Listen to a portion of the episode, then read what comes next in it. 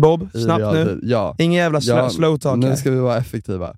Ja, jag ska lägga fram regel och jag ska prata om avundsjuka, skadeglädje, svartsjuka, vad nu skillnaden mellan alla dessa ord är, missunnsamhet. Och det är ju verkligen inte så fina ord jag valt här i återvändandet till poddandet.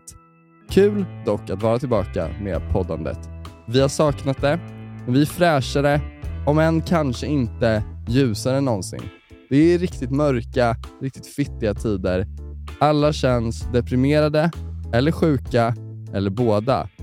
Själv har jag den senaste månaden haft både halsböld, hypokondri och någon slags light depression.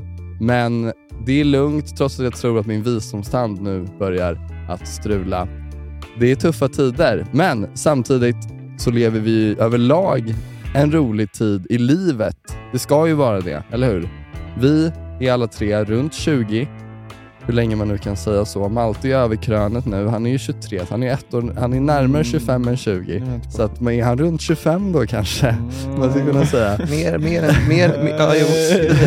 Eh, och eh, det innebär ju att man för varje dag blir ett, en dag äldre och runt om sig så ser man var och varenda dag hur människor i ens egen ålder, till och med yngre, lyckas med olika saker de tar sig för. Det kan vara någon som har varit med i en film, det har ni säkert sett mycket av, eller att någon har släppt en låt, eller att någon har en skitsnygg flickvän, eller att någon verkar ha kommit väldigt långt i sina avancerade studier på Kungliga Tekniska Högskolan. Det sistnämnda kanske inte gör så mycket med oss just nu i alla fall, men det är ändå sådana typer av framgångar man nås av när man sitter där med sin mobil på tunnelbanan. Och det, den, det locket jag vill öppna idag, det är det om mörkret som liksom faller över en när man nås av sådana små bits of information och hur man ska hantera det. För att jag vet helt ärligt talat inte hur man ska göra det. Ska man ta det till sig? Ska man låta sig uppslukas och bara vara mörk ett tag? Känna hur man släpper taget och hur man liksom ger upp när man ser det. Det är inte värt det. Det är bara att släppa. Du kommer aldrig lyckas med någonting. Du kan bara sitta där och marinera i andras framgång och bli bittrare och bittrare för varje dag som går. Eller ska man likt eh, Robert De Niro i Taxi Driver titta sig i spegeln och kanske inte tappa det totalt, men ändå säga att man är en smutsig, liten människa för att man känner så.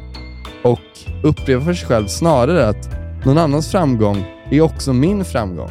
Vi är en generation som är tillsammans i den här båten och att hans lycka är också min lycka. Och i den bästa världar så skulle man kanske kunna kombinera dessa. Du skulle kunna se det som en, som en morot, som motivation. Ja, ah, fan vad kul det verkar att kunna lägga upp en sån där rolig länk på Instagram om en sån där rolig sak man har varit med om.